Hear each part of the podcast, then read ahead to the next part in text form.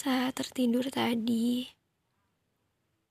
saya kembali pada saat-saat suatu mimpi memperlihatkan tempat sebuah kisah itu bermula. Namun, ada yang begitu kuherankan tadi. Saat saya masuk pada buah tidur kali ini, saya tak menemukan sosoknya. Di waktu pertama, saya memang mencoba agar tidak temu. Namun ternyata, hingga mimpi berakhir, dia memang tak nampak. Apakah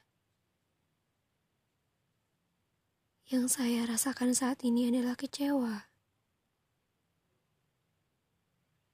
Di saat tiga tahun berlalu, dan dunia nyata menakdirkan kita untuk tak temu.